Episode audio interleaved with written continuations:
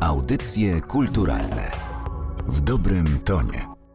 Przy mikrofonie Martyna Matwiejuk witam Państwa bardzo serdecznie w podcaście Audycje Kulturalne. Dziś moim i Państwa gościem jest historyk, archiwista, emerytowany starszy kustosz w Muzeum Narodowym w Krakowie, pan Janusz Nowak, który od lat odczytuje i opracowuje dzienniki Józefa Czapskiego. Dzień dobry.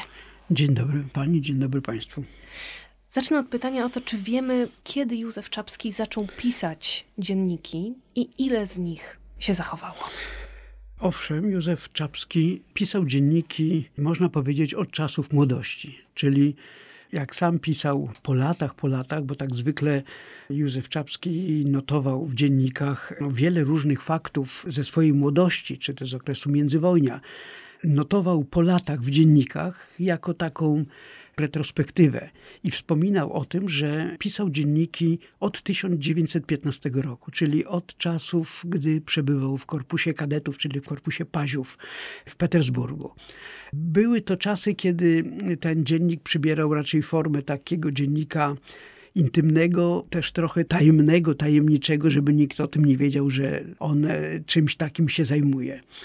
I ten dziennik przez okres studiów y, w Akademii Sztuk Pięknych, czy przez okres paryski, okres międzywojenny, warszawski tak zwany, był cały czas pisany i Czapski przykładał do niego bardzo dużą wagę. Wszystkich dzienników, które zachowały się w Muzeum Narodowym jest 275.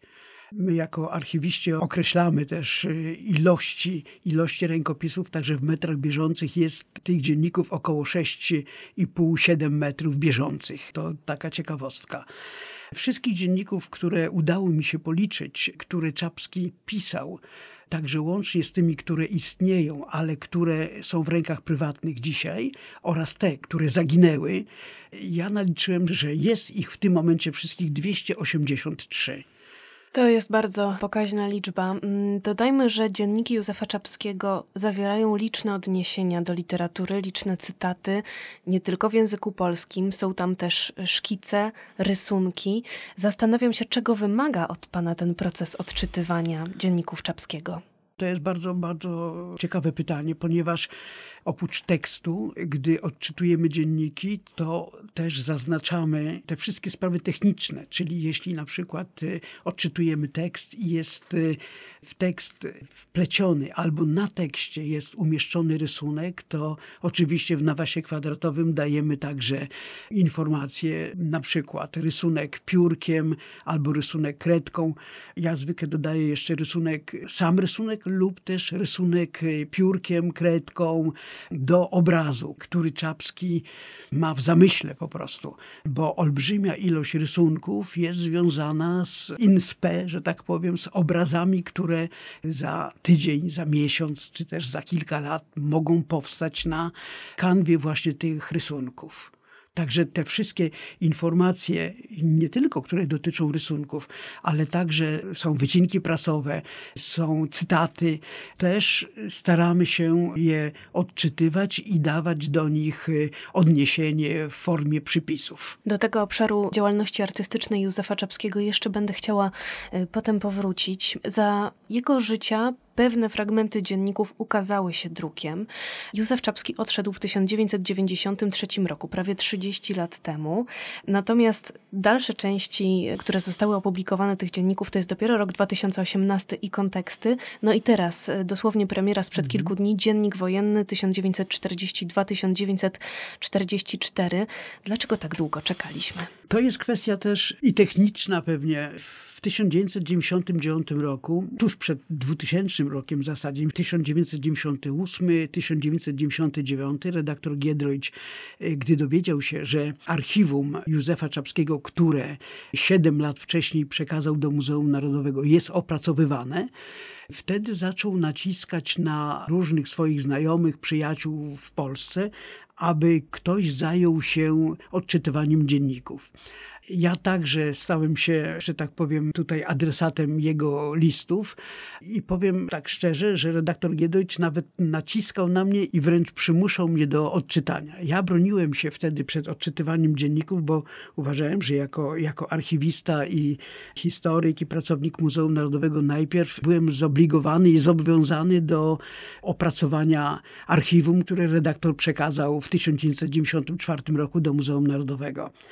Miałem tutaj poparcie dyrekcji. No, dyrekcja stwierdziła, że rzeczywiście, że najpierw jest czas, żeby opracować to archiwum, korespondencję, dzienniki, opisać je dokładnie. I moją ambicją było przede wszystkim to, żeby jak najszybciej udostępnić to archiwum. No bo nic, co nie jest opracowane w bibliotekach czy muzeach w Polsce, nie może być udostępnione. Musi być opisane, policzone i tak dalej, i tak dalej.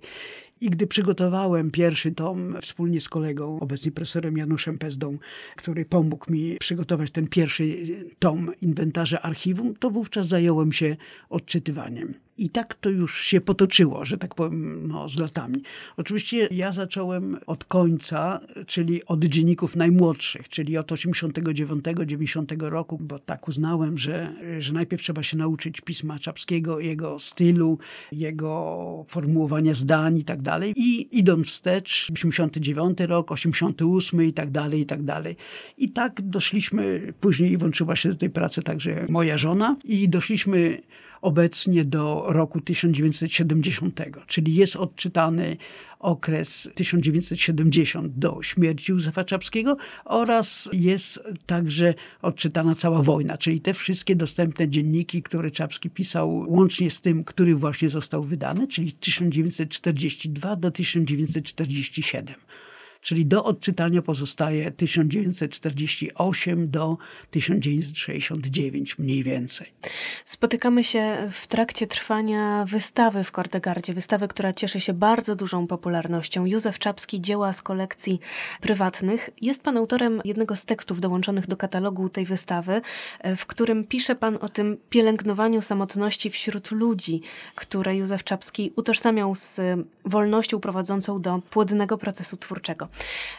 Czy z tych dzienników dowiadujemy się o życiu osobistym, życiu uczuciowym Józefa Czapskiego? My mamy takie wyobrażenie dzisiaj, że chcemy odkryć człowieka do samego końca. To znaczy, tak chyba zawsze, zawsze było, prawda? Tak. tak do tego dążyła literatura i w XIX wieku, ale też poznajemy też teraz, w tym momencie, w roku 2022 życie pisarzy, pisarek, no, życie też to osobiste.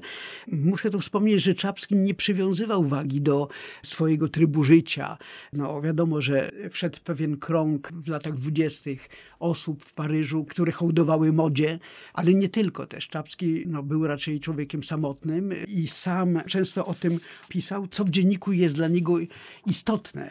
Jest tutaj bardzo znamienny list, który Czapski wkleił do dziennika. To jest list 10 listopada 1979 roku. To jest list do Czesława Miłosza.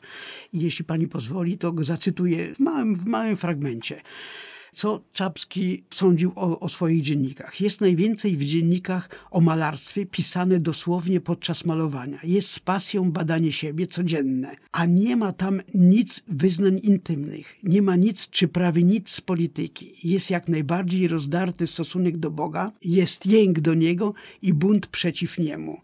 I Czapski zakończył tą frazę Le bon Dieu. I ja myślę, że nie wyzbędziemy się jakby takiego dogłębnego no, szukania różnych aspektów osobistych, co zresztą już y, pan Erik Karpeles y, w monografii o Czapskim opisał. O jego sposobie życia, o kobietach w życiu Czapskiego, ale także i o mężczyznach w życiu Czapskiego od lat dwudziestych.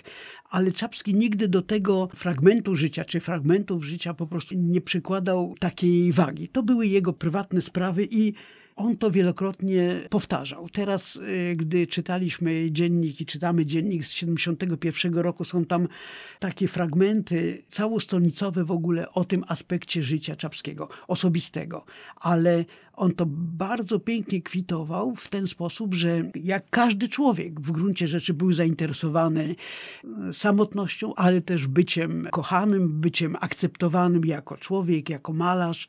I to mi się wydaje, że to jest bardzo istotne u Czapskiego, że on sam o tym pisał, o tym przypominał właśnie o tym tłumie ludzi, który u niego bywał na górce w pokoju w Maison Lafitte, ale na przykład gdy nikogo tam nie było, on czuł się bardzo samotny. Ale ta samotność też wpływała na sam proces twórczy, który jak każdemu twórcy pomagał malować, pisać czy czytać po prostu. Gdy na przykład ten tłum go przygniatał, to Czapski stwierdzał, że no w zasadzie rozmowy, które prowadzi wśród wielu osób i ciągle mu przeszkadzają w pracy malarskiej te dwa właśnie aspekty i te dwa absurdy jakby, no, jakby życia, czyli samotność, gremialność, że tak powiem, towarzyskość. Myślę, że jak, jak w życiu każdego człowieka mają swój czas i swoje miejsce. Dziennik jest taką formą, w której człowiek no, pokazuje się z całą swoją wzniosłością, ale też ze wszystkimi zwykłostkami życia, z tą prozą życia. Jestem ciekawa, jako, jaka osoba jawi się panu Józef Czapski. No ja osobiście Józefa Czapskiego nie znałem. Bywałem w Paryżu wtedy, ale ale po prostu mogę powiedzieć, że nie trafiłem wtedy w 91, 92 roku do Maison Lafitte. Znam Czapskiego też z opowiadań, między innymi pani Janiny Gąskiewicz, jego gosposi, która była gosposią też Marii Czapskiej przez y, krótki czas, a przez całe lata 70. była gosposią Józefa Czapskiego. No myślę, że, że to był niezwykle ciepły człowiek i niezwykle otwarty do ludzi, niezwykle też towarzyski w tym sensie, że z każdym chciał się spotkać i od każdego chciał uzyskać jakieś informacje, nawet o tej danej osobie, nie tylko o, o świecie czy o, o polityce, mimo że od polityki uciekał, ale od polityki się nie da uciec, bo inaczej polityka się, się zainteresuje człowiekiem. Więc tutaj Czapski bardzo był wrażliwy na te wszystkie polityczne sprawy, szczególnie na sprawy polskie. Ale myślę, że przez to właśnie, że był otwarty na ludzi, to ludzie też do niego lgnęli i ten pokój w Maison czy w ogóle jego, jego spotkania były obfite w wydarzenia i obfite w ludzi po prostu. Dzienniki są nie tylko kroniką codzienności, ale tak jak też e, wspomnieliśmy, wspaniałym archiwum e, szkiców i rysunków e, Józefa Czapskiego. Co go inspirowało? Jakie tematy były ważne dla czapskiego artysty? Ja myślę, że, że najbardziej chyba Czapski cenił sobie kontakt z ludźmi, to znaczy z ludźmi nawet tymi, których nie znał. To znaczy on zawsze prześmiewał się, o czym ja też piszę w tekście, że prześmiewał się z artystów paryskich, których przecież obserwował w kawiarniach, którzy, którzy siedzieli przy stolikach pijąc kawę i czekali na natchnienie. Czap, tutaj Czapski właśnie się prześmiewał dlatego, że on wchodził do kawiarni i już miał 10 tematów do opisania pędzlem, ołówkiem, kredką. Także po prostu on spojrzał, no nie wiem, odbicie w lustrze w kawiarni paryskiej powodowało, że, że on już chciał dany obraz, daną wizję, tą błyskawiczność widzenia przelać na, na papier. Interesowało go w zasadzie wszystko. Tak się zastanawiałem, no, co by było, gdyby Czapski mieszkał w Warszawie od y, lat, nie wiem, 57 no, roku, czyli od pierwszej wystawy tutaj powojennej w Polsce, czyli w Poznaniu. Myślę, że też by chodził do kawiarni, chodziłby na dworzec, na Warszawę Zachodnią, przypuśćmy, czy na przystanek tramwajowy i malowałby ludzi, których, czy rysowałby ludzi, których tam spotkał, z ich problemami, zamyślonych, zasmuconych. Myślę, że to była kanwa, jakby to był temat malarski dla, y, dla Czapskiego. Oczywiście to nie tylko człowiek, ale Czapskiego fascynowały krajobrazy, zmieniające się krajobrazy wokół Maison Lafitte, ale także i to, co się zmieniało u niego w pokoju, pod wpływem światła, pod wpływem ustawienia tej tak zwanej martwej, że ustawił martwą, pojechał do Paryża, wracał i ta martwa wyglądała całkiem inaczej niż rano. Albo odwrotnie odwrotnie, prawda, że wyjeżdżał rano do Paryża, wracał po południu i słońce od strony południowo-zachodniej padało do jego okna i to go fascynowało. To w dziennikach jest opisane w ogromnej ilości te właśnie sytuacje, kiedy zmienia się no, światło, błysk światła, czy to, co się zmienia w pokoju, prawda, nawet, nawet przez to, że się stanie w innym miejscu i pada cień na, na ścianę. Czy w tych dziennikach, które udało się panu odczytać, pojawiają się jakieś wzmianki dotyczące tych obrazów, które znajdują się aktualnie w Kordegardzie? Na przykład y, myślę tu o obrazie y, sygnowanym Elbonet. Tak, dziennik jest w ogóle przez to cenny i niezwykle cenny, że stanowi dokumentację do procesu twórczego malarstwa Józefa Czapskiego. To jest chyba jedyny taki dziennik, tak mi się wydaje. I, dziennik Czapskiego jest, jest ewenementem w ogóle, jeśli mogę tak powiedzieć, w literaturze polskiej XX wieku. Y, mówię tutaj o literaturze diarystycznej, ale też literaturze, która dotyczy eseistyki malarskiej, eseistyki, która dotyczy malarstwa generalnie. I niemal każdy obraz, który to nie tylko obrazy, które są prezentowane w Galerii Kordegarda, ale także w sumie od wojny w dziennikach Józefa Czapskiego możemy szukać dokumentacji do jego malarstwa. Są tam obrazy, które powstały, ale też y, są rysunki, które funkcjonują jako, jako osobne dzieła sztuki w świecie, które na przykład Czapski wyrywał z dziennika albo wycinał. No bo przyjechał, przypuśćmy, pan Jacek Woźniakowski albo pan profesor Rodziński i Józef Czapski mówi to Jacusiu albo do pana Rodzińskiego, że a to wytnę ci na pamiątkę tutaj jeden, jeden rysunek. I niestety odczytujący ma problem z tym, że ten rysunek, który był na pierwszej stronie, przypuśćmy na stronie recto, na stronie verso, czyli na odwrotnej stronie miał tekst, który łączył się z tekstem, który był na poprzedniej stronie. No ale, ale to jest wola po prostu autora i wola mistrza, który tak robił z dziennikami. Ale jeszcze tu jest jeden taki istotny aspekt, że dzisiaj też na rynku antykwarycznym pojawiają się tak zwane falsyfikaty Józefa Czapskiego. I myślę, że antykwariusze są u progu w ogóle sprawdzania malarstwa Józefa Czapskiego właśnie w dziennikach, gdzie jest ten pierwszy pomysł i gdzie też znajdują się rysunki do obrazu, który później powstaje po prostu, żeby y, wyeliminować ten aspekt właśnie fałszerstwa czy, czy podrabiania dzieł sztuki. To jest, myślę, ewenement w ogóle tylko i wyłącznie, który występuje u Józefa Czapskiego, że można zweryfikować dany obraz, odnosząc go do rysunku, który się znajduje. A w kwestii pani pytania, oczywiście sam obraz, portret, y, portret Wacka Kisielewskiego. Wacława Kisielewskiego ma także odniesienie do rysunków w dzienniku. Jeśli pani pozwoli, to Czapski malował ten obraz, ten portret 13 y, i 15 czerwca 69 roku. I jest to dokładnie zanotowane w dzienniku. Malował go dwa dni i napisał tam portret Wacka, później jest kropka, mam uczucie mieszane na końcu rozkoszy i pasji z uczuciem odkrycie. Pierwszy portret skolorowanego rysunku podparty pracą na naturze. Czyli Czapski najpierw sobie zanotował prawdopodobnie portret Wacława Kisielskiego na koncercie, a później w czasie bytności Wacława Kisielskiego po prostu usadził go w fotelu i jakby cały entourage do tego portretu stworzył już u siebie w pracowni.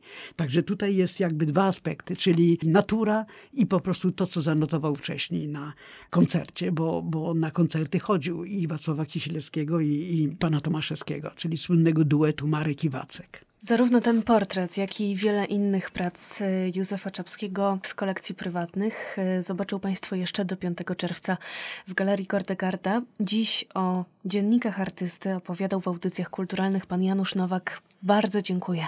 Bardzo proszę. Audycje kulturalne w dobrym tonie.